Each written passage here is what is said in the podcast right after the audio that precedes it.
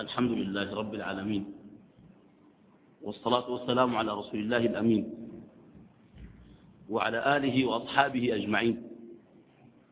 كنا قد فرغنا بحول الله وقوته من الحديث عن منزلة التوبة.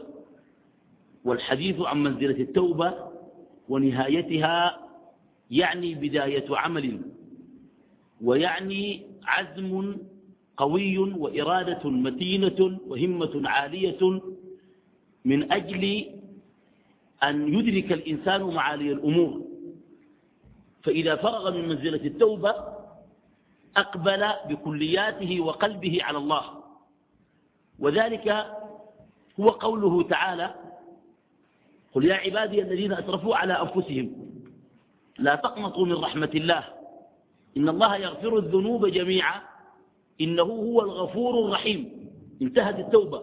وأنيبوا إلى ربكم. وأسلموا له. من قبل أن يأتيكم العذاب ثم لا تنصرون. هذه الآيات تدل على أن أول منزلة بعد التوبة هي منزلة الإنابة. لأن الله عز وجل بعد أن أخبر أنه يغفر لعباده قال آه وأنيبوا إلى ربكم وأسلموا له. فالإنابة هي موضوع حديثنا اليوم. الحديث عن الإنابة قليل. يعني ما سمعت في من سمعت من تحدث عن الإنابة إلا قليلا. بالرغم من أنها مفردة قرآنية. هي مفردة يعني موجودة في القرآن. فمثلا آه ربنا سبحانه وتعالى يتحدث عن أن التوبة معها إنابة. حتى هذا في حال الأنبياء كقوله تعالى على, داو على داود عليه السلام قال فاستغفر ربه. شنو شنو؟ استغفر ربه بعد شنو؟ فخر راكعا وأناب. بعد الاستغفار الإنابة. والإنابة تعني الرجوع الكامل. والإقبال التام والانقياد الذي لا تردد معه لأن من تاب أتى باندفاع. ال الذي يحصل له تحول في حياته يعيش حياة فيها غفلة. فإذا ما تاب وبدأ يتعرف على الله وبدأ قلبه يتغير وبدأ فؤاده يتحول فإذا به ينيب إلى الله بقوة. الإنابة في اللغة تدور على ثلاث معاني.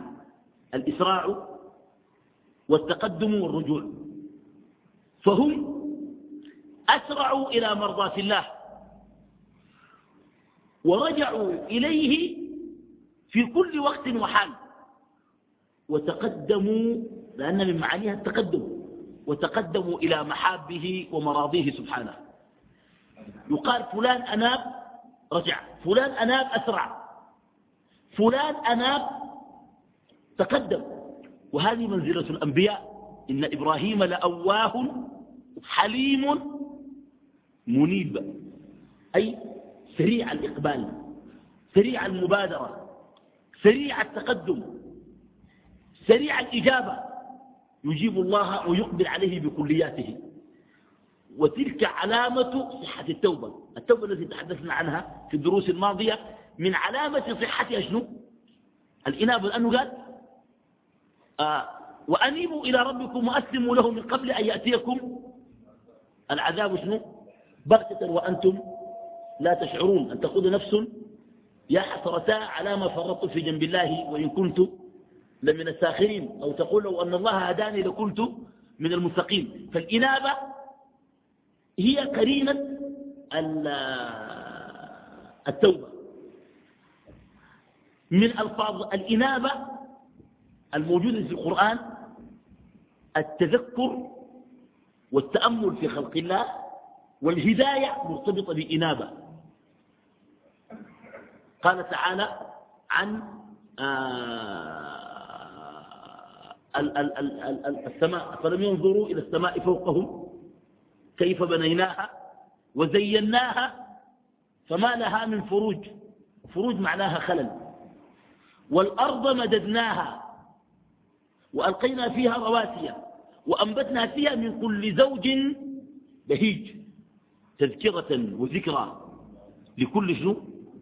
عبد منيب الذي أناب بقلبه ورجع وبادر وأقبل على الله بكلياته هو الذي يتذكر ويتأمل ويتفكر في هذا الخلق وفي هذه الكائنات.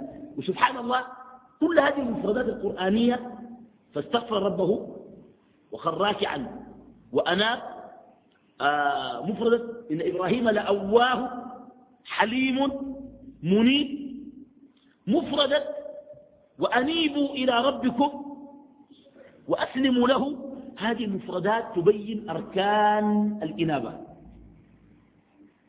للإنابة أركان. يعني كيف نعرف أن هذا منيب وأن هذا غير منيب؟ لأنه يربط الإنابة بالعبودية. قال تذكرة وذكرى لكل عبد منيب. بل يعني حتى الجنة وأزلفت الجنة للمتقين غير بعيد. هذا ما توعدون لكل أواب حفيظ أواب من الأوبة والرجوع والإنابة إلى الله عز وجل لكل أواب حفيظ. طيب هذا يعني أن أركان الإنابة أربعة. لا تتحقق الإنابة في شخص إلا إذا توفرت فيه أربعة شروط.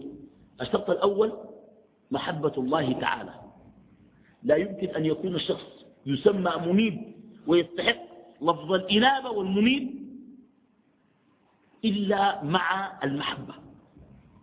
أن يحب الله تعالى. ولذلك قال تعالى والذين اجتنبوا الطاغوت أن يعبدوها وأنابوا إلى إلى الله. لهم البشرى. فبشر عباد. فالإنابة بالمحبة. لأنه يمكن أن تريد إلى شيء ترجع إليه بكلياتك وتقبل عليه وأنت مبادر وبينك وبينه حواجز وكراهية وبغضاء هذا في البشر.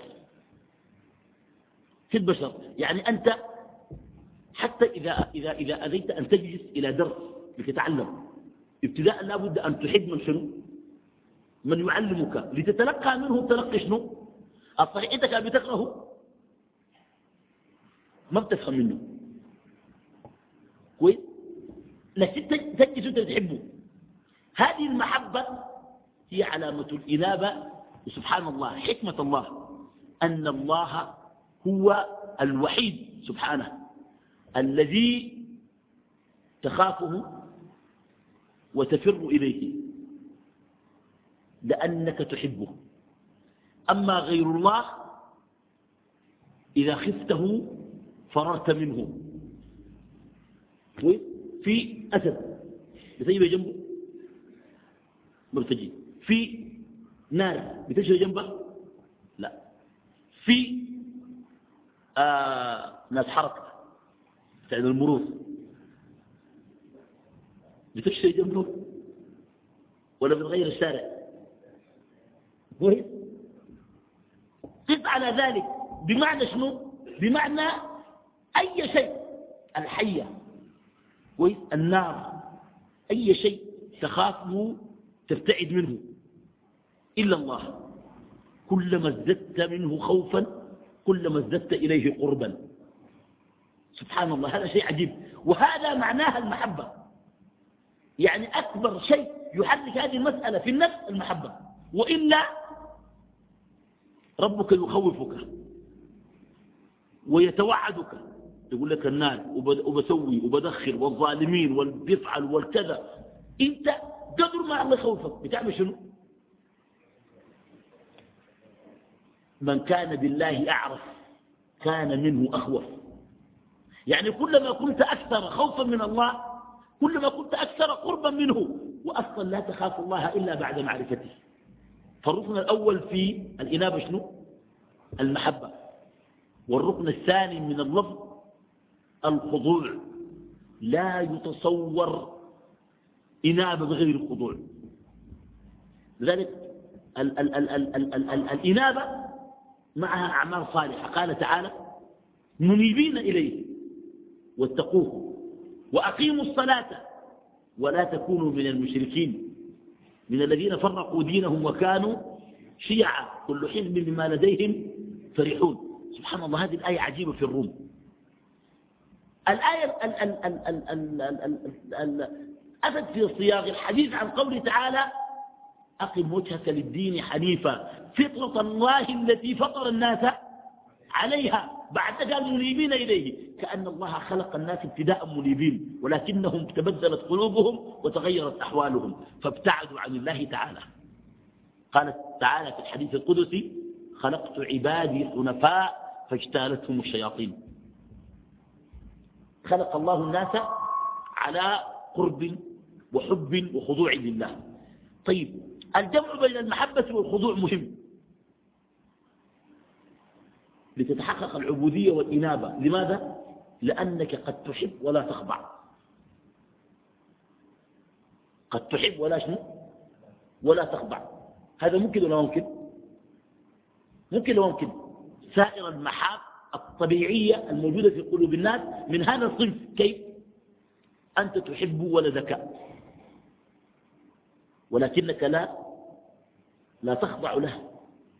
ورجعت تخضع له. تحب زوجك. لكن دي قاعد تخضع عليها دي خلوها. نشوف لنا حاجة ثانية. لأنك كان بتحب المرأة وبتخضع عليها دي إنابة عديد ما في كلام دي إنابة. أنت أنبت إلى المرأة. دي إنابة كويس فأنت قد تحب ولا تخضع. وقد تخضع وقد تخضع ولا تحب. قد تخضع لمن قهرك حيث لا مفر منه. ولكنك خاضع له وقلبك ليس معه. هذا ممكن ممكن؟ لكن الإنابة اجتماع محبة الله. وشنو؟ والخضوع له سبحانه. ده الركن الثاني. الركن الثالث في الإنابة مع المحبة والخضوع الإقبال على الله. أن تقبل على الله بكلياتك بقلبك وجوارحك وأن تسلم قلبك له سبحانه. وإياك أن تجعل قلبك لغيره. معظم السرور وأكبر المفاسد في أن تجعل قلبك لغير الله أن يتصرف فيه وأن يمتلكه وأن يجيره غير الله. حتى ولو كان شيخا أو عالما أو أستاذا قلبك كله اجعله لربك. وسوف, تجد بعد ذلك من معاني العبودية وألوان المقامات وصروف الإيمان وصنوف اللذة والمتعة والعبودية ما لم تجدها من قبل. أجل ذلك أن تعطي قلبك لله.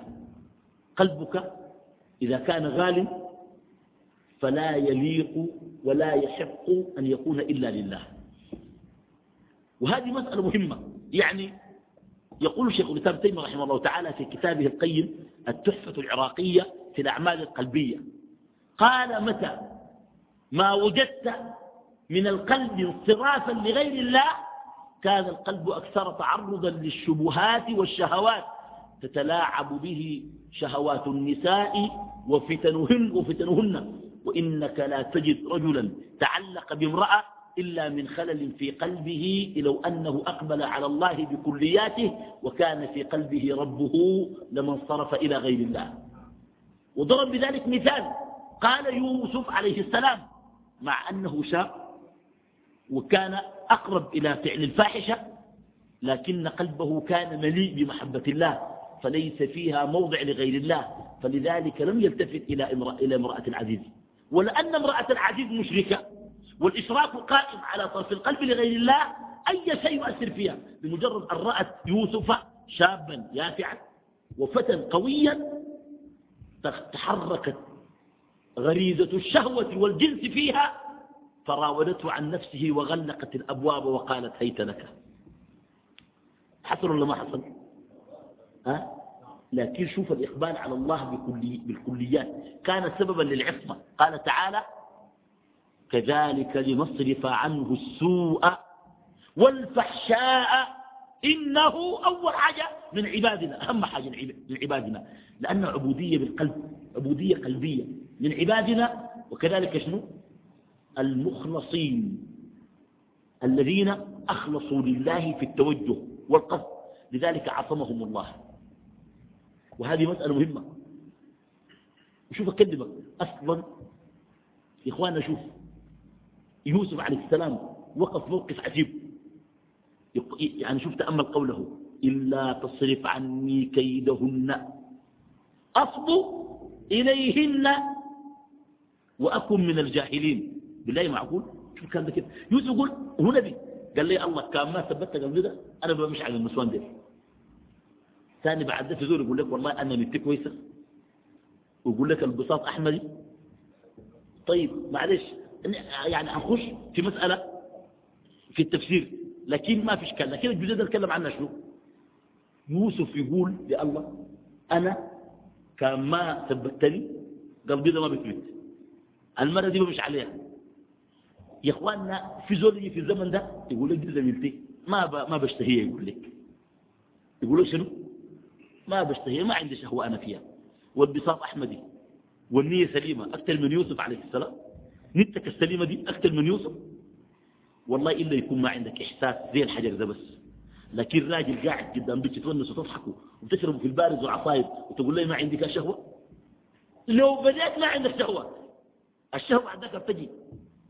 ما هي تتكلم وتضحك وتقول لك نكتة وانت تقول لها نكتة.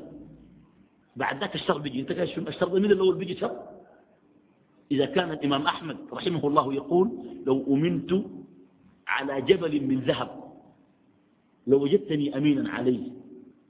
ولو أمنت على عجوز سوداء خرقاء شمطاء عوراء أخلو بها ساعة لما وجدت نفسي أمينا عليها.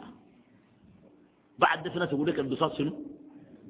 شوف كلامه البساط أحمد شوف كلام الرسول عشان أوريك إنه كلامه ضد كلام الرسول. الرسول يقول ما تركت بعدي فتنة. أضر على الرجال من النساء. هم يقول لك البساط شنو؟ أحمدي والمصطفى عليه الصلاة والسلام يقول اتقوا الدنيا واتقوا. اتقوا النساء يعني شنو؟ يتلصقوا فيهم يتونسوا معاهم. أبعدوا منهم بعيد. الناس يسمعوا اتقوا يقول لك لا والله البساط أحمدي. وناس يقلدوا في واحد قالت دي واحدة قلدة شديدة. يا زول دي دي قريبتك قال ما قريبتك جارتكم في العلة لما جارتنا. على طيب شنو؟ قال بتحجتي قال بتحجتي تحجت معه. يا زلمة تخاف الله انت. دي حالته بتحجتك. يا أخي أعوذ بك أما الآية يا إخواننا ولقد همت به وهم بها لولا أن رأى برهان ربه. يا إخواننا التفسير في في في هذه المسألة أقوال. من المفسرين من قال أن هم يوسف اختلف عن همها. همت بالفاحشة وهم بالهروب وهم بالضرب. وبعضهم يقول الهم هو مجرد حديث النفس الذي يقع للطبائع البشرية لمجرد أنه يعني تكلمت معه كلام مرقق وتكشفت أمامه وهو بشر تحركت فيه هذه المسألة ولكنه لم يبد لها شيئا. وإذا هم العبد إذا هم العبد بالسيئة ولم يفعلها كتبت له حسنا ولكن التفسير الذي أرجحه غير هذا يعني التفسيرين ديل ما أرجحه أرجح تفسير ثالث بوريك له حتى التفسير الثالث الذي أرجحه أن يوسف لم يهم أصلا. الهمزة ما جاء ليه؟ كل عبارات ومفردات الصورة تدل على ذلك. المفردة الأولى قوله تعالى كذلك نصرف لنصرف عنه السوء. لو اعتبرنا الفحشاء هي الزنا السوء شنو؟ الحديث بالزنا. ربنا قال صرفوا عنه. كيف يكون صرفوا؟ ويكون هم. طيب كذلك نصرف عنه السوء والفحشاء قوله إنه من عبادنا المخلصين. هذه درجة عالية جدا. لا يليق مع الهم. قول امرأة العزيز نفسها أنا راودته عن نفسه فشنو؟ فاستعصم. دي الثالثة مفردة ثالثة فاستعصم. طيب. الرابعة المفردة الرابعة. كويس إن النفس لأمارة بالسوء إلا ما رحم ربي. وهذا القول هو قول امرأة العزيز. من الأول؟ هي تتكلم. امرأة العزيز التي تتكلم طيب نفسر الآية كيف؟ يا اخواننا لو رجعنا إلى اللغة يستقيم تستقيم الآية في أذهاننا للغة العربية. في حرف مهم جدا موجود هو لولا. والحروف ثلاثة لو ولو ما ولولا. لو حرف حرف حرف امتناع لشنو الامتناع حرف وجود لشنو لو تقول لو كان كذا فعلت شنو؟ كذا. هو ما حصل. كويس؟ فامتناع لامتناع ولو ما حرف شنو؟ وجود لوجود. يعني الشيء ده موجود خلاني أنا ما أعمل كده. أما لولا هي حرف امتناع لشنو لوجود. طيب معناه شنو هنا امتنع الهم لوجود البرهان وإذا البرهان يبقى ما عنده معنى. عم محبوب ركز معي ما قال؟ ولقد همت به وهم بها لولا. لولا حرف امتناع. امتناع شنو؟ الممتنع في الآية شنو؟ وريني لها. ولا ما في؟ موجودة بدون ما يكون في حاجة. ممتنع الامتناع شنو؟ الهم. امتناع لوجود وجود شنو اللي خلى يمتنع؟ البرهان. طيب وده في لغة العرب السائغ التقديم والتأخير ولقد همت به مؤكد لولا أن رأى برهان ربه لهم بها. لولا أن رأى برهان ربه كده وقعت لك؟ كده وقعت لك؟ لولا أن رأى برهان ربه شنو؟ لهم بها. وده بيخلي الآية مستقيمة. كذلك لنصرف عنه السوء والفحشاء. حتى الهم ربنا منع منه. وليه؟ في وجود البرهان. يا إخواننا البرهان ده فائدته في نجبه الزنا ما داير برهان. أنا أكلمك. خلي يوسف. في ناس في الوسط لما نيجي في الزنا بيمتنع. بيخاف الله ويقول معاذ الله. بيخاف الله. صح ولا ما صح؟ طيب بدون برهان. صح ولا ما صح؟ طيب برهان يوسف شنو يقبل معناه؟ لقد همت به محققا. لولا أن رأى برهان ربي لهم بها. وجود البرهان منع شنو؟ منع الهم. وجود البرهان منع شنو؟ الهم. أظن الأمر واضح. ولا أخوانا ما واضح؟ طيب. فمحبة الله والخضوع له والإقبال عليه بالقلب. إخوان نشوف أصلا لا يقود إلى الإقبال على الله إلا سلامة القلب بأن يقبل القلب كلياته على الله. الآن قلوبنا متنازعة بين دنيا وبين عيال وبين النساء وهذا إذا كان في إطاره الجبلي الفطري الطبيعي الذي خلق عليه البشر ما في ذلك شك لكن أن يكون هذا هو الأصل. وأن يكون التعلق أكثر خاصة في الدنيا. وإلا لما قال عليه الصلاة والسلام تعس عبد الدينار. لم يضع إنسان الدينار ولا الدولار أمامه وقال الدولار أكبر وركع وسجد وكذا. لا. لكن عبد الدولار كيف؟ بالمحبة. ولما قال يحب الدولار الناس. ورايكم شنو؟ يا أخوان الدولار ده الناس قاعد يحبوه ولا ما قاعد يحبوه؟ ما في ما تحبوه وتحبون المال حبا؟ جنبه. لكن حب إلى درجة التعلق هذا يؤدي يصرفه من الحب إلى شنو؟ إلى العبادة. كده؟ قال تعيس عبد الدينار تعيس عبد الدرهم تعيس عبد الخميصة. الأقمشة. تعيس وانتكس. ما في فايدة. وإذا شيك فلن تقش. وريت تعيس كيف؟ وهو عبد كيف؟ قال لك جاري ولا الدنيا لو خست شوكة في كراعه ما عنده وقت يجيب له منقاش يطلع الشوكة. مشغول مشغولية ما عنده وقت. قال وإذا شيك فلننتقش ده الرسول صلى الله عليه وسلم. إذا شيك فلننتقش يعني كيف؟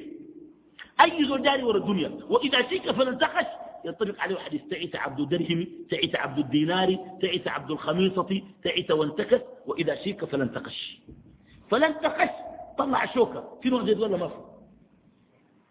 والله فين جاري جري. جاري جري. الشوكة ذاته تخش ولا جاز خلاه تخش ما عنده وقت يجنب يقولون يا اخوانا طلعوا لي الشوكة دي ما عنده طريقة طيب فلذلك أقول أيها الأحبة في هذه المسألة أن الإنابة الركن الثالث فيها شنو؟ الإقبال على الله بكلياتك. طيب الركن الرابع الإعراض عمن سواه.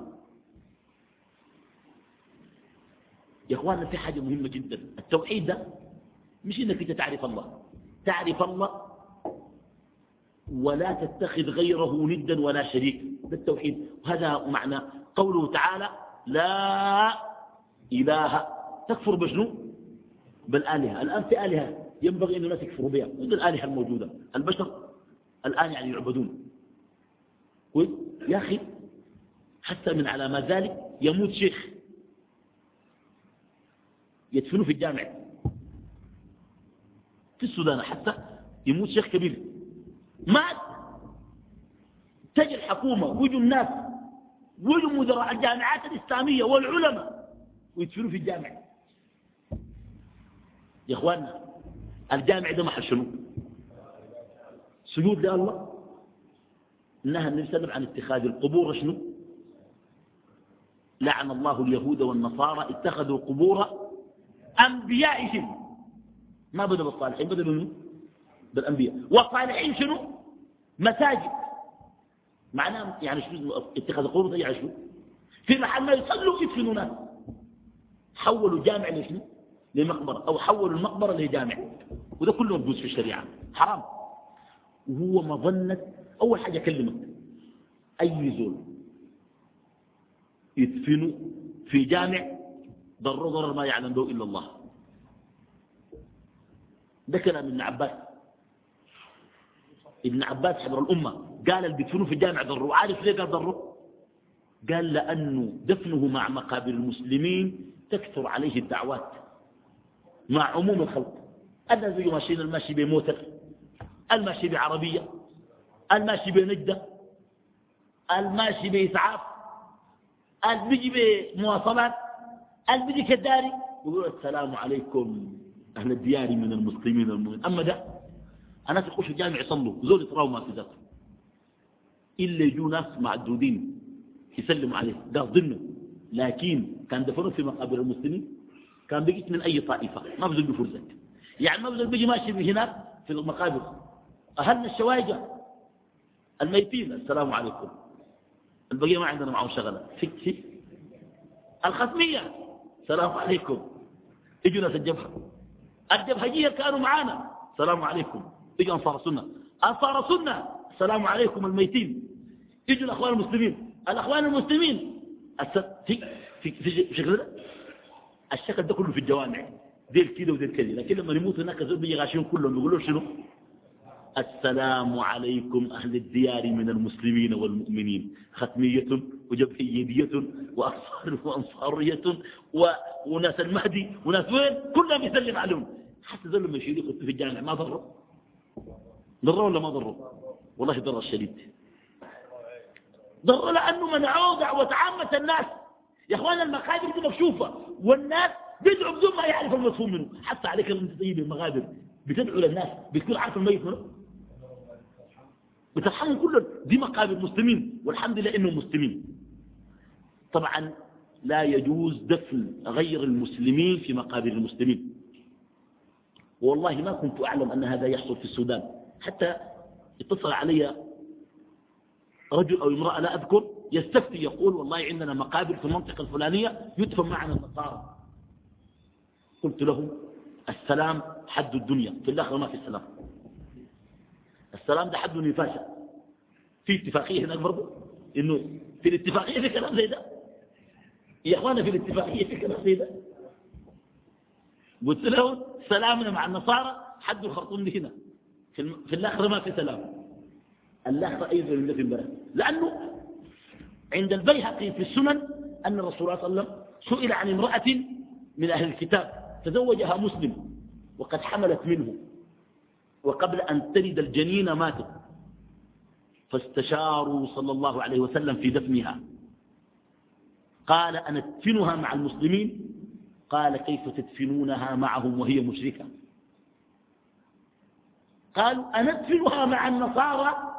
قال كيف تدفنوها مع النصارى وولدها مسلم يتأذى بهم؟ قالوا كيف نفعل؟ قال ادفنوها بين المسلمين وبين النصارى. براها عبد الله مغبرة براها الكلام مهم جدا بالمناسبة.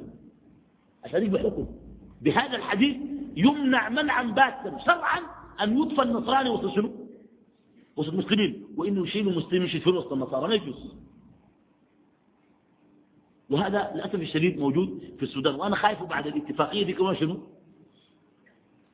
الحكاية تكتر أنا خايف الحكاية بعد ده في بعد الاتفاقية أنا سأقول لك يا أخي برضه معلومة أخواننا وفي المواطنة وفي البلد وشنو ما عارف وكلام زي ده كثير. كويس؟ ومع إنه سبحان الله الشريعة الرسول عليه الصلاة والسلام الرحيم جعل لما تمر على مقابر المسلمين تقول شيء ولما تمر على مقابر اليهود والنصارى تقول شيء. قال إذا مررتم بقبور أهل الكتاب فبشروهم بالنار. وأنا أوريك محلاته أول حاجة جنب التحديد. كويس؟ وأنت ماشي على على على ال... أنا ما بعرف المحلات دي كيف شنو بس بعد القيادة العامة على ذلك الشمال. طوال تبشر ما تخاف ما بيجيك عوجه بشر في سرك ما في زول بشكلك كويس؟ أه؟ تقول أبشركم بالنار أبشركم بالنار أبشركم بالنار. لقوله عليه الصلاة والسلام إذا مررتم بقبور أهل الكتاب فشمت؟ هذا الرسول قال لنا هنعمل شنو؟ نلاوز ولا نقول؟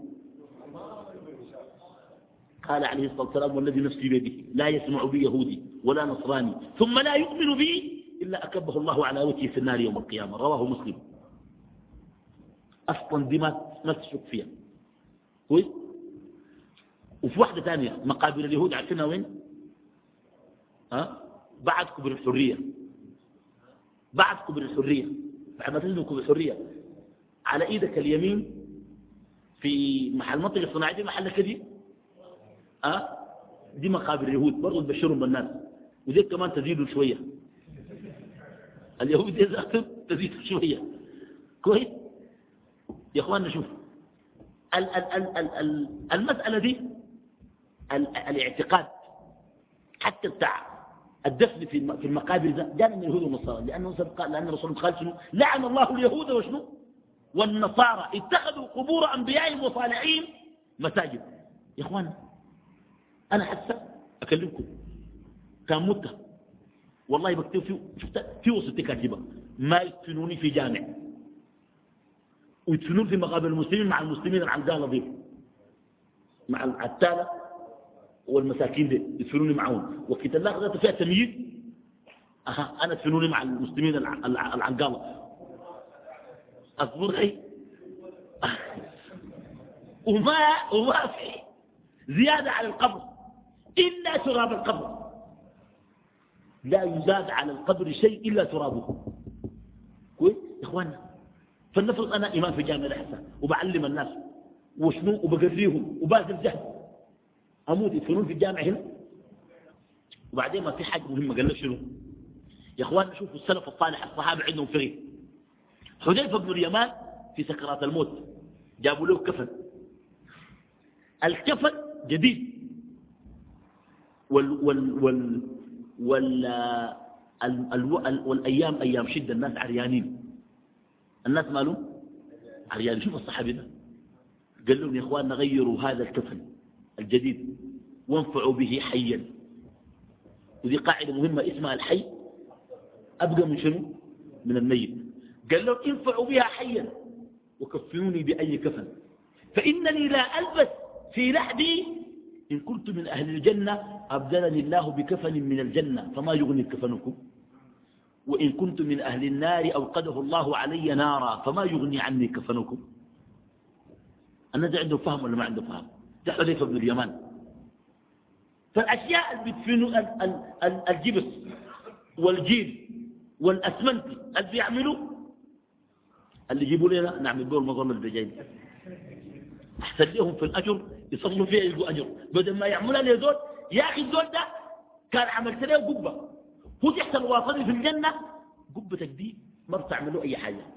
وكان الله قدره في النار والله كان جبت تكييف مركزي للقبة ما بتخرجه ورأيك شنو؟ يا اخوانا ما كده أصلا حيستفيد شنو الميت؟ وريني وريني الميت حيستفيد شنو.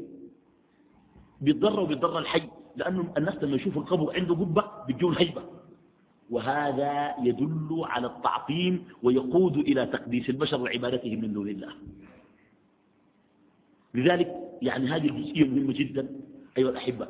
الإعراض عن من شنو؟ سواه. عن كل شيء. وشوف أنا أوريك. ال ال الإعراض عما سوى الله يقود الإنسان إلى الاستقامة. كويس؟ ذنون المصري رحمه الله من العارفين. عنده قصة عجيبة جدا حكاها أهل السير. قالوا ذنون كان يجلس في المسجد إلى وقت متأخر بعد العشاء ثم يرجع إلى بيته. يمر بالطريق فتنت به فتاة. في وحدة بتلاحظ لما يمشي جامع بوقار وبهيبة وكذا. نفسها الشهوانية دخلت فيه. في في ذنون. هي تريده بهذا الوجه الوضيء وهذه الهيئة الوقورة آه، أن أن أن يفجر بها. فانتظرته في يوم من الأيام على الباب. وليس عليها شيء إلا قميصها. فستان بس. الشعر كاشف ذلك. لما دنا والولد كوركت يعني فالذنون رأى امرأة خارج الباب. بتولول معناه في شنو في مصيبة. فجرى يدخل البيت يريد أن يدفع المكروه. فدخلت خلفه وأغلقت عليه الباب. وقالت له ما, ما ثمة مستغيث. ما في, ما في ذل بكورك ولا في كده. ولكني أردتك لنفسي. فاتكلم معه. قال هذا لا يحل. قالت أنا لا أعرف. ما بعرف. بحل لو حل. إلا تفعل الدنيا ليل. أصيح وأجمع عليك الناس. وطبعا بكل المقاييس. الناس كانوا يلقوا جوا البيت ما في زول بيعذروا بيقول طوالي مولانا جاك شنو طوالي يا مولانا.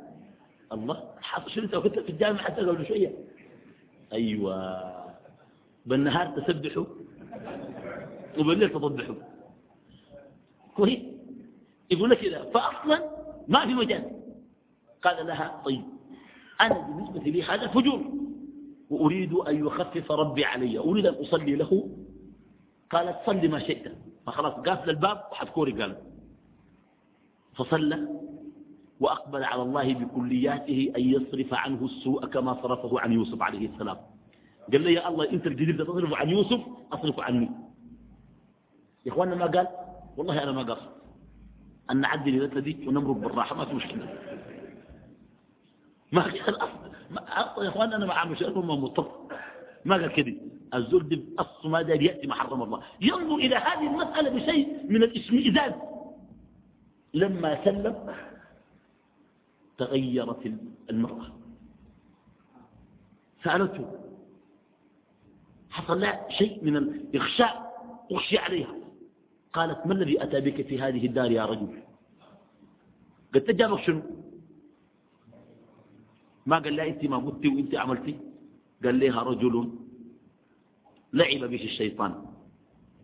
راجل كعب الشيطان اللي عنده وجه قالت استغفر ربك وقم من مكانك واخرج من هذا الباب ولا تعد. فتح الباب ومشى. الله بيقدر ولا بيقدر؟ بيقدر يحول قلبه ما بيقدر يحول قلبه؟ في ثواني. أه؟ اتجه بكلياته. ده مو يريد عن عن العصيان يا اخواننا في حاجة مهمة جدا ما قاعد يعني عن الموضوع. أي معصية حتى ولو أنت سوف تتوب منها تكدر عليك الذي بينك وبين الله وما في ذلك شك. لا يمكن أن تتعرض لمقت الله ولغضبه وطعته وأن يكون قلبك سالم بكلياته. لا بد أن تنتقص منه نقيصة وأن يتكدر كدر وأن يذهب منه شيء شعبة. لا بد من ذلك. لذلك لا تستهون المعصية. حتى ولو كانت هذه المعصية لا تدخلك النار. اعلم أنها سوف تكدر عليك ما بينك وبين الله. هذه الجزئية مهمة جدا. طيب. الإنابة إنابتان. هذه أركانها محبة وخضوع وإقبال وإعراض. إقبال على الله بالكليات. وإعراض عن شنو؟ عما سوى الله. بعد ذلك الإنابة إنابتان. الإنابة الأولى الإنابة العامة. الإنابة للربوبية. وهذه كل الخلائق ينيبون إلى الله. كافرهم ومؤمنهم وبرهم وفاجرهم. طيب ملحدهم. يشعر بإنسانيته وضعفه. إذا تعب ماذا يفعل؟ يخلد إلى شنو؟ إلى النوم. من الذي جعل له الليل سرم من الذي جعل له شنو؟ الليلة ولو أنه جعل عليه النهار سرمدا إلى يوم القيامة من إله غير الله يأتيكم بليل تسكنون فيه. فسكونه وأن الله أعطاه النوم ووهبه وهذه من آياته ومن آياته منامكم بالليل وابتغاؤكم من فضله. ثم ما من, ما من مخلوق إلا ويجوع. فإذا جاع ماذا يفعل؟ ذهب إلى الطعام منيبا. منيبا إلى الطعام. من الذي أطعمه؟ إنه ربه. وهكذا. هذه إنابة شنو؟ إنابة عامة. إنابة كل الكائنات وكل الخلق إلى الله.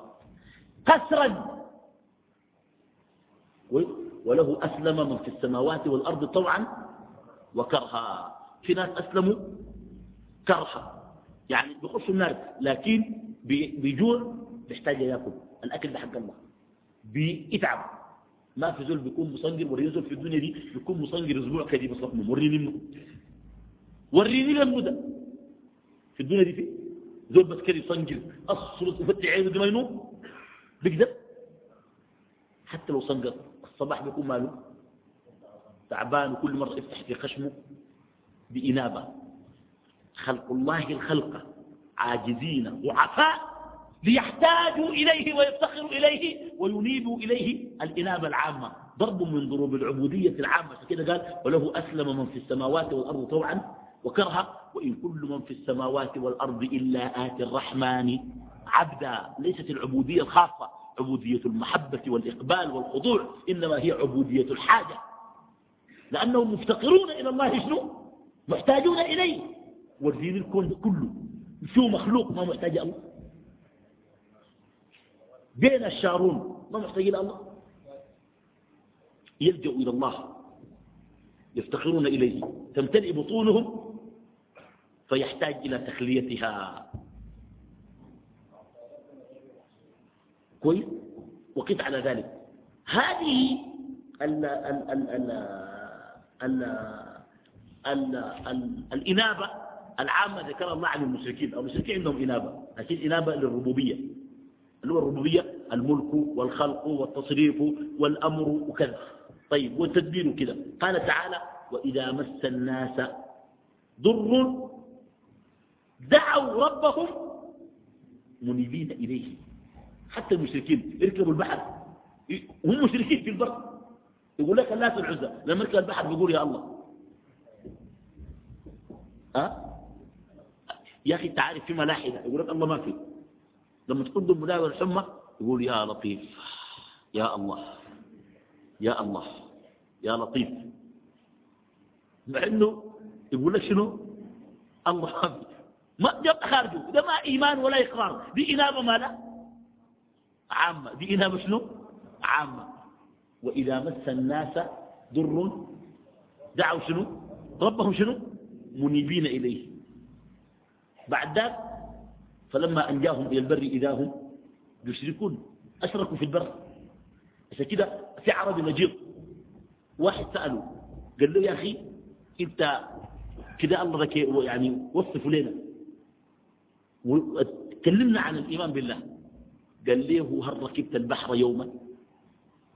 هل ركبت البحر يوما؟ قال نعم. قال إذا هاجت الريح أيأتي في خلدك يجي في جواك أنك تحتاج إلى من ينقذك؟ قال نعم. قال ذاك هو الله. سبحان الله شيء عجيب. البحر ده بالذات خطر. والله البحر ده. والله. السفينة الشايل العربات دي كلها والناس نايمين والكبيرة دي والله زي علبة الكبريت. والله زي علبة الكبريت في البحر ده. ناس رايدين في السفينة. شغالين. اسمها شنو يا أخي؟ بيعملوها السودانيين دي.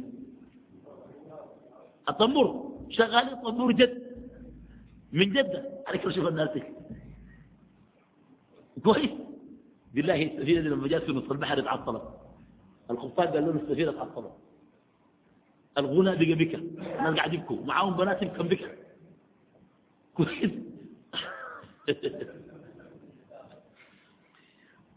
يا أخي البحر ده مخيف جدا وفيه علامة وآية كبرى من آيات الله. يا أخي البحار دي شوف, شوف ربنا خلق وما في البحار من كائنات.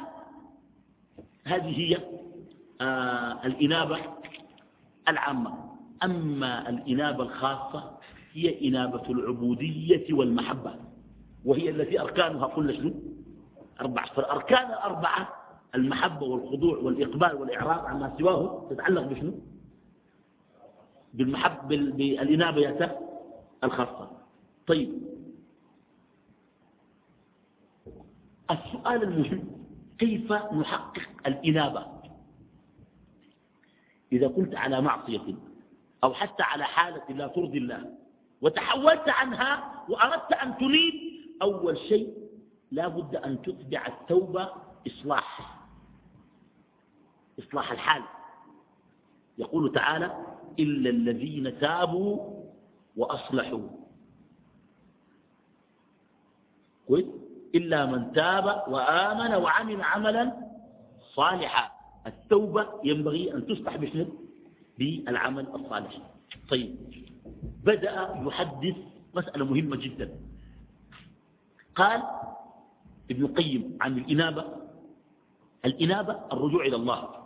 لكن أهم شيء في الرجوع إلى الله الرجوع إلى الله وفاء وعهدا. الرجوع إلى الله شنو؟ وفاء وعهدا. كيف؟ انت ما أصلا من الأول معاهد الله انك ما تعصيه. انت عصيته لما ترجع إلى الله توفي بشنو؟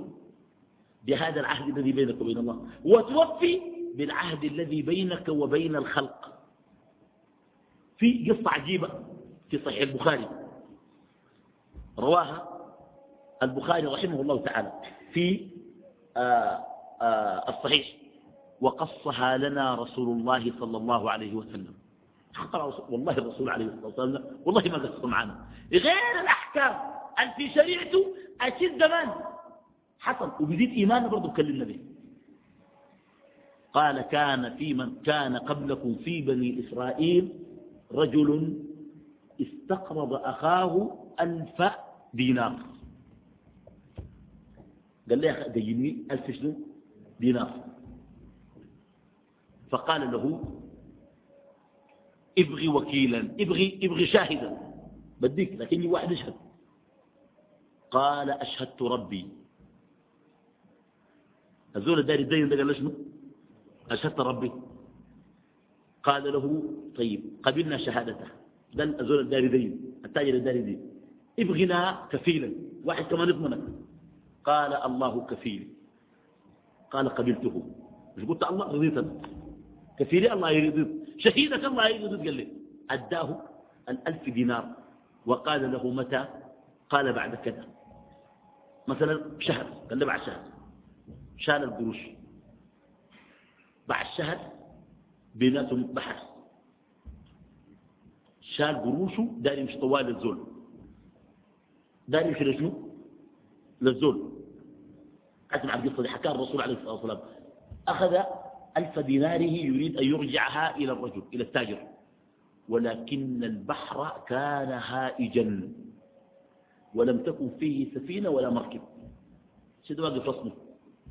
والزول داخل ينتظروا بهناك في نفس المواعيد.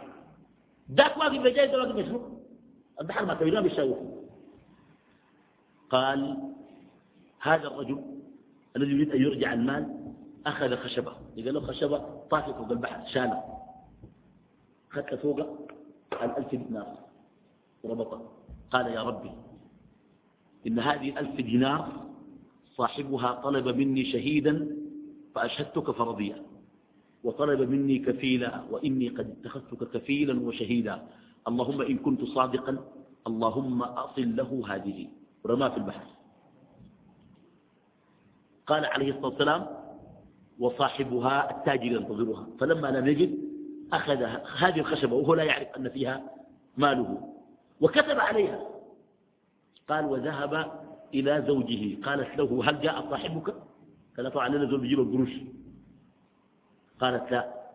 قال لها لا. أعطاها الخشبة. قال اصطع لنا بها طعاما. لما فتحتها وقلبتها وجدت الألف دينار ومعها الورق.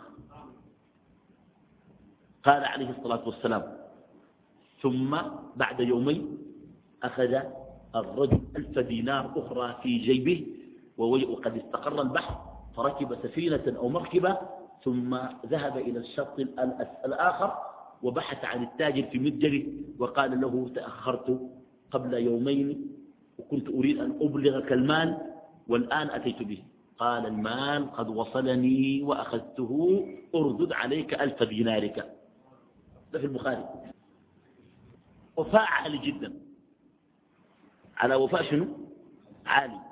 وعلى صدق مع الله كبير. والغرض من هذه الدروس ومدارج السالكين أن يرقي النفس إلى درجة الصدق والصفاء مع الله.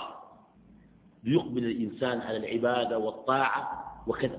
يعني في منزلة الإنابة هذه يقول ابن القيم الإنابة تحتاج إلى أعمال ولكن بين الأعمال وبين القلب مسافة. كثير من الناس يعمل أعمال لكن هل هذه الأعمال من قلبه؟ واحد. هل أثر هذه الأعمال يصل قلبه إصلاحا لها هل صلاته تصلح جوفه وباطنه؟ هل صدقته تصلح سريرته؟ قال وبين القلب وبين الرب مسافة أيضا. هذا كلامه في الإنابة بين القلب وبين الرب شنو؟ مسافة. كيف؟ بين القلب وبين الرب مسافة بقواطع في الطريق في طريق القلب. تقطع القلب أن يصل إلى الله. كيف؟ رؤية, رؤية العمل ونسيان المنة. رؤية شنو؟ العمل ونسيان المنة. رؤية العمل شو؟ تشوف إنك العمل ده جبته بقوتك وإنك أنت الزور التمام. ما تقول الله وفقني ما تقول الله وفقني. ما تقول الله عني على ذكره. ده اسمه رؤية شنو؟ العمل. نسيان المنة معاه أنت إذا عملت عمل صالح ما منك. من منه من الله. يمنون عليك أن أسلموا. قل لا تمنوا علي إسلامكم بل الله يمن عليكم أن هداكم للإيمان إن كنتم صادقين. لذلك هذا هو الغرض من هذه آه، الدروس. نواصل إن شاء الله في درس آه، الإنابة آه، أو جزء من الإنابة الدرس القادم إن شاء الله. وأجيب على آه هذه الأسئلة آه ما أستطيع الإجابة عليه. يقول في مسألة المأتم هل يجوز للإنسان إذا مات له قريب أن يذهب للتعزية مع العلم بأن هنالك اجتماع في الصيوان؟ مجرد الاجتماع في الصيوان لا يمنع التعزية السنة لأنه هذا مكان منكر ويجوز الذهاب لأماكن شنو؟ المنكر بشرط أن لا توافقهم وأن تجلس معهم. لكن مجرد أن تذهب داخل الصلاة وتقول أحسن الله عزاكم وتنصرف هذا ليس فيه شنو؟ ليس فيه حرج شنو؟ شرعي. الممنوع الجلوس وليس شنو؟ التعدية. أما إذا جلست ويجوز أن تجلس بشرط شنو؟ شنو؟ البيان النصيحة. فلا تقعد بعد الذكرى. يعني قبل الذكرى يمكن شنو؟ تقعد لحد ما تذكر. وأثناء الذكرى يمكن شنو؟ أن تقعد. نعم. السفر للتعزية. هذا سؤال مهم جدا. هل يجوز السفر للتعزية؟ أيها الإخوة يجوز. إذا الإنسان وجد ساعة من الوقت واستطاع أن يذهب فليذهب. ما في ذلك, ما في ذلك شنو؟ بأس ولا مانع. يعني من حيث الجواز جائز. أن يسافر الإنسان من أجل أن يعزي. طالما أن التعزي أمر مشروع فالسفر له شنو؟ يكون شنو؟ مشروع أخطر آه وهل يجوز الجلوس مع أقاربه في المأتب لا يجوز الجلوس مع أحد في المأتب لكن أنا أوصي الشباب بفقه. كثير من الناس يحتاجون إلى ترفع لدعوتهم. وأنت لمجرد أنه زول يكون مثلا ود عمك. وانتوا حيطة بالحيطة. مات. وضد الصوان أصبر عليه نهائيا يا إخواننا هذا غير صحيح هكذا بمعنى ما تجد في المأتم. لكن أذهب شنو؟ عزي. تعال بالصباح ما ناس مجتمعين جيب شايك ليو هذا مشروع. اصنعوا لشنو للجعفر الممنوع أن يصنع على جعفر الطعام. أما أن يصنع لهم هذا ليس فيه شنو؟ بأس. لكن البأس وين؟ في أن يصنع له. هو ذات مشكلة. المسألة جعفر الزمن ده بيقبع عليه بيقبع عليه بتقبع عليه حاجتين. مين شنو الزول ده من ذكر بيقول لك انت انت بتبكي على ميتك. يقول لك ادينا البوكس عشان انت نجيب حاجة من سوق بحري. يا أخي حاجة شنو؟ وبوكس شنو الله يهديك يا أخي. الشوالات بتاعت الفو الاسنو الفحم. وينزلوها والبصل. وفي ناس متخصصين. يقول لك دي ناقصه ودي بيكتبوا الليسته يقول لك الليسته دي لك فلان. متخصص ليسته لسه بتاعت مآسف يا ناس يا أخي ده حرام. والله لا يجوز. كنا نعد الاجتماع بعد دفن الميت من النياحة. شنو؟ على عهد رسول الله صلى الله عليه وسلم من النياحة عليه. النياحة حرام ولا ما حرام؟ واحدة كوركت وشرطت هدومها حرام ولا ما حرام؟ الناس قاعدين بجلاليبنا السمحة وشالاتهم قاعدين في مأتم. قاعدين ينوحوا مع إنه الصانين بيقروا في الجرائد بيتكلموا عن نفاسة. برضه قاعدين ينوحوا مجرد دعاء ده كده نياحة ده معنى الحديث يا ما يجوز ما يجوز. لكن إنت دخل الدعوة. بينك أنت ما تشتغل معهم تجاملهم وما تجيب أكل تأكل الناس الناس اللي في حلة ساكن لكن كان جو ضيوف جو ضيوف في محل بعيدة. تمشي الشيء صينيتك وتمشي طوالي. الشرع بيقول كده. تمشي طوالي شنو؟ تمشي تكرمه إلا يكون إلا يكون دل عندهم طعام. إذا عرفتهم شادين حللهم ما تمشي. معناها الناس دي شنو؟ عاملين شنو؟ عاملين حسابهم في هذه المسألة. نعم. إذا كان ما في مأثم أن تجلس معه من باب إنك تتجله وتعزيه. أما تعزي التخفيف يعني. أما إذا كان في اجتماع بتأنات يعني كثر لا يجوز. لأنه يبقى اجتماع بعد دفن الميت. يقول سائل كريم. آه ما مصير أهل الفترة؟ ما مصير أهل الفترة؟ الحديث الصحيح الذي ورد في السلسلة الصحيحة أنهم يمتحنون يوم القيامة. يمتحنون. كيف يمتحنوا يؤتى بهم يوم القيامة. يقول والله ما سمعنا بنبي ولا كتاب ولا رسول ولا دين. يقول الله لهم لو أني كنت أرسلت لكم رسولا وأنزلت إليكم كتابا أكنتم متبعيه يقول نعم. أتطيعوا أمري؟ يقول نعم. فيشير إلى نار يقول ادخلوا النار. قال عليه الصلاة والسلام أما وإنهم لو دخلوها لوجدوها جنة. ولا يدخلها إلا من لو كان إلا من عرف الله إلا من علم الله منه أنه لو أرسل إليه رسول اتبعه. وأي زول بيابة ده كان حيكون زي شارون ويرجبوش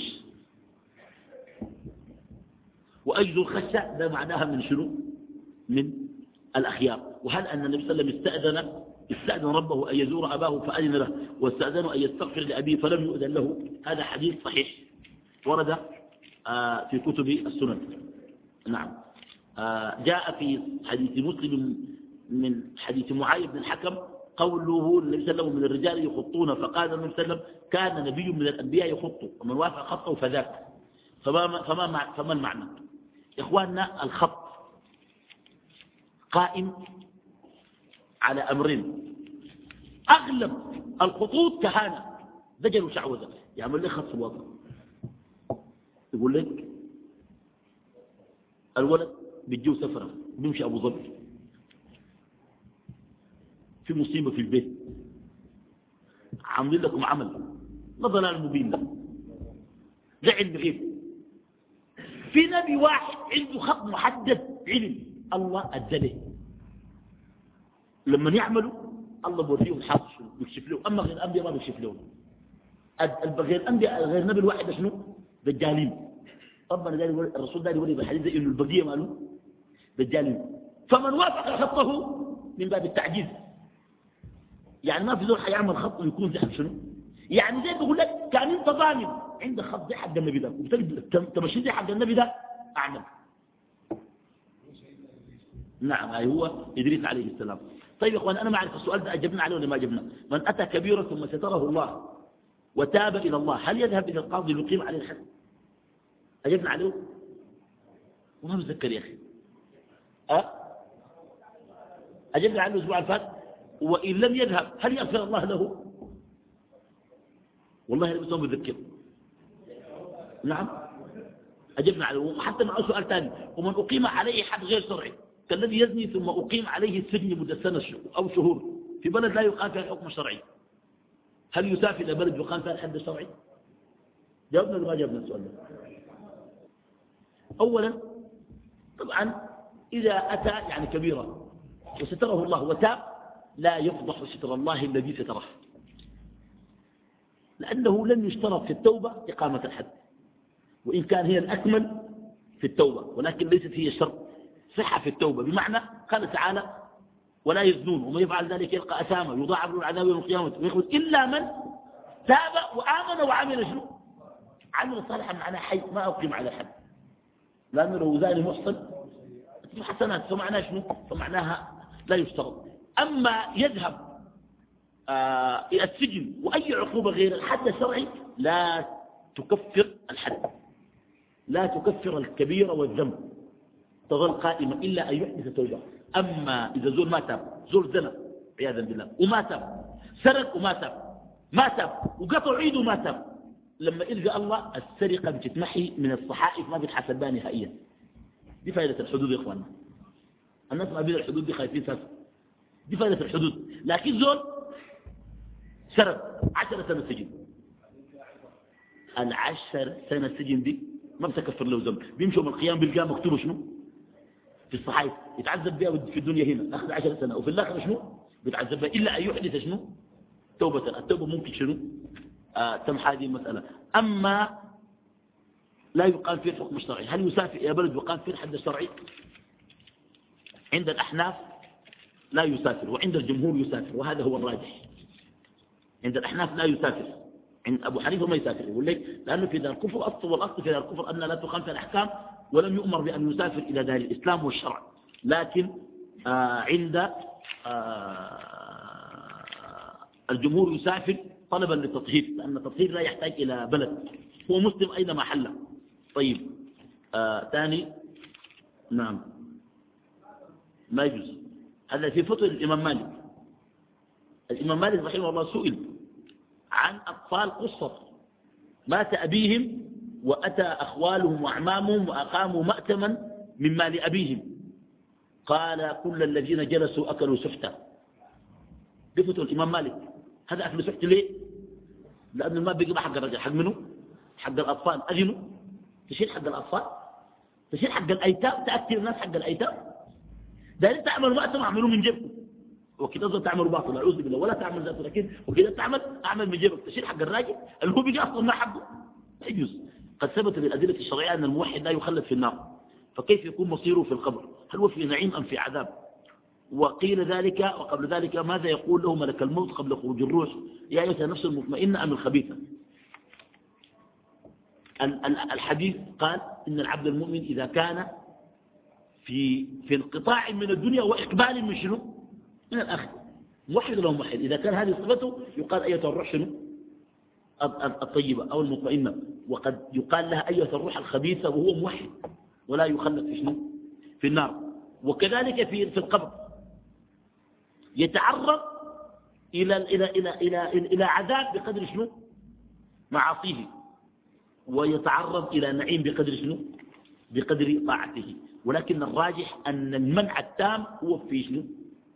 في عرفة القيامة ودخول النار الكبرى. كنت أعمل لأحد الأخوان في دكان وطال الوقت وكنت أظن أنه سوف يعطيني بعض المال. يا إخواننا ذي أه؟ عجبنا على الهدى. آه. طبعا بتاع الدكاكين ده بتاع الدكاكين ده سبحان الله تكون عارفه. أه؟ كس لا لا أنا عارف إنه سبحان الله ده بيكون طيب يقول آه روى البخاري في حديث برقم 3710 أشكل علي فيما معناه أن عمر بن الخطاب كان في دعاء الاستسقاء يتوسل بالنبي صلى الله عليه وسلم وعندما مات أصبح يتوسل بالعباس عم النبي صلى الله عليه وسلم. هل يستفاد من الحديث أن التوسل بالصالحين يجوز؟ إخواننا ينبغي أن يفرق بين أمرين. التوسل بذوات الصالحين والتوسل بدعاء الصالحين. التوسل بالذوات التوسل بشنو؟ بالدعاء. حديث عمر بن الخطاب في البخاري في التوسل حجة عليهم. أنه لا يجوز التوسل بالذوات. ليه؟ كيف؟ يقال أي, الذو... أي الذاتين أفضل؟ ذات النبي عليه الصلاة والسلام أم ذات العباس؟ الأفضل ياته ذات. طيب. هل ذات النبي بتختلف حي وميت؟ هو ذاته مش كده؟ مقامه شريف هو مقامه شريف. قال عمر اللهم إنا كنا نتوسل إليك بنبيك المال حصة ده ما سؤال. واليوم نتوسل إليك بعمل. لا ما يتوسل يتوسل بالنبي ذاته الآن معنى كانوا يتوسلون بشنو؟ بدعاء شنو؟ بدعاء النبي. والدليل في الحديث. قم يا عباس فادعوا الله لنا. معناها ده كان حاصل في زمن الرسول. العلم عنده مش يقول يا رسول ادعو لي الله. الرسول يدعو لي. المرضان تقول الرسول أنا أسرع ادعو لي الله. الأعمى يقول أنا شنو؟ عميان ادعو لي الله. الناس الدارين مطره يجي في المنبر يقول له هلك القراع ومات كذا. ادعو الله يا رسول الله. يقوم يدعو. ده معناه شنو؟ توسل بشنو؟ بدعاء. وليس توسل. وليس توسل بشنو؟ بالذات لو كان توسل بالذات كان حيكون شنو؟ كان توسل برضه في نفس المحل دي بمنه بذات النبي عليه الصلاة والسلام. والعباس عمل شنو؟ عشان نشوف التوسل ده حصل فيه شنو يمكن الحديث لحد الآخر. ماذا قال العباس؟ قم يا عباس شنو؟ فادعوا الله لنا. يا إخواننا أنت لو قلت زود ادعوا لنا الله ده توسل جائز. أصلا ما محل خلاف ده. لأنه التوسل بدعاء شنو؟ الرجل الذي يظن فيه صلاح. قال العباس اللهم لا ينزل بلاء إلا بمعصية ولا يرفع إلا بتوبة اللهم تبنا إليك فاسقنا الغيث ولا تجعلنا من القانطين وين التوسل بالصالحين هنا؟ كده وريني التوسل بالصالحين هنا وين؟ ثبت الله حتى قلت لي صراحة الشيخ عيان أدعو له وانت دعيت له. الحرام شنو هنا؟ لكن أنت التوسل بالصالحين تقول شنو؟ يا الله. تشفي صلاح الشيخ عشان خاطر محمد سيد. ده التوسل بذوات الصالحين ده ما يجوز. وفرق بين إنك أنت تقول يا محمد سيد صراحة الشيخ عيان أدعو له. يقول محمد سيد أدعو والمصلين يأمنوا وفيهم من هو أتقى لله من محمد سيد ربنا يستجيب. كويس؟ أدعو لنا ما أدعو ربنا. أو تقول لي الله يا الله أشفي, أشفي فلان عشان خاطر محمد سيد. ده اسمه توسل بشنو؟ بالزواج ده ما يجوز. إخواننا هذا هو الفرق في هذه المسألة. آه، حكم قراءة الفاتحة للمأمومين في الصلاة الجهرية. ده جاوبنا عليه ولا ما جاوبنا؟ أه؟ جاوبنا عليه لكن؟ أه؟ مش ما حاضرين. وفي أسئلة زي دي جات في الدرس بتاع الفقه اللي هو الخميس العصر. الناس يعني الأسئلة بتختلط يعني فعلا في سؤال زي ده بتذكر جاء في الدرس بتاع يوم شنو؟ يوم الخميس تسقط قراءة الفاتحة وجوبا يسقط وجوب قراءة الفاتحة خلف الإمام في الصلاة الجهرية. لقول عليه الصلاة والسلام من كان له إمام فقراءة الإمام له قراءة. قال حكم لبس مركوب النمر. مركوب النمر. مركوب النمر. الأمر الأول من حيث أنه جن ما لا يؤكل شنو؟ لحمه. فإذا دبغ طهر شنو؟ الإهاب فيجوز الانتفاع به. أما من حيث الخيلاء والفخر فإن ذلك منهي عنه من هذا الباب. فلا يخلو من كراهة. إخواننا أنا باقي لي الأسئلة دي كثيرة. آه ما عندنا لا طريقة لكن في واحد يعني اختندوه. قال أخونا الداعي إلى الله محمد. طيب العلماء واجب الواجب على الإنسان أن يتعلم من الفقه ما هو واجب عليه من العبادات. كما أن كما أنا واجب عليه كما أن, أن واجب عليه يتعلم كيف يوحد الله حتى لا يقع في الشرك الأكبر والأصغر.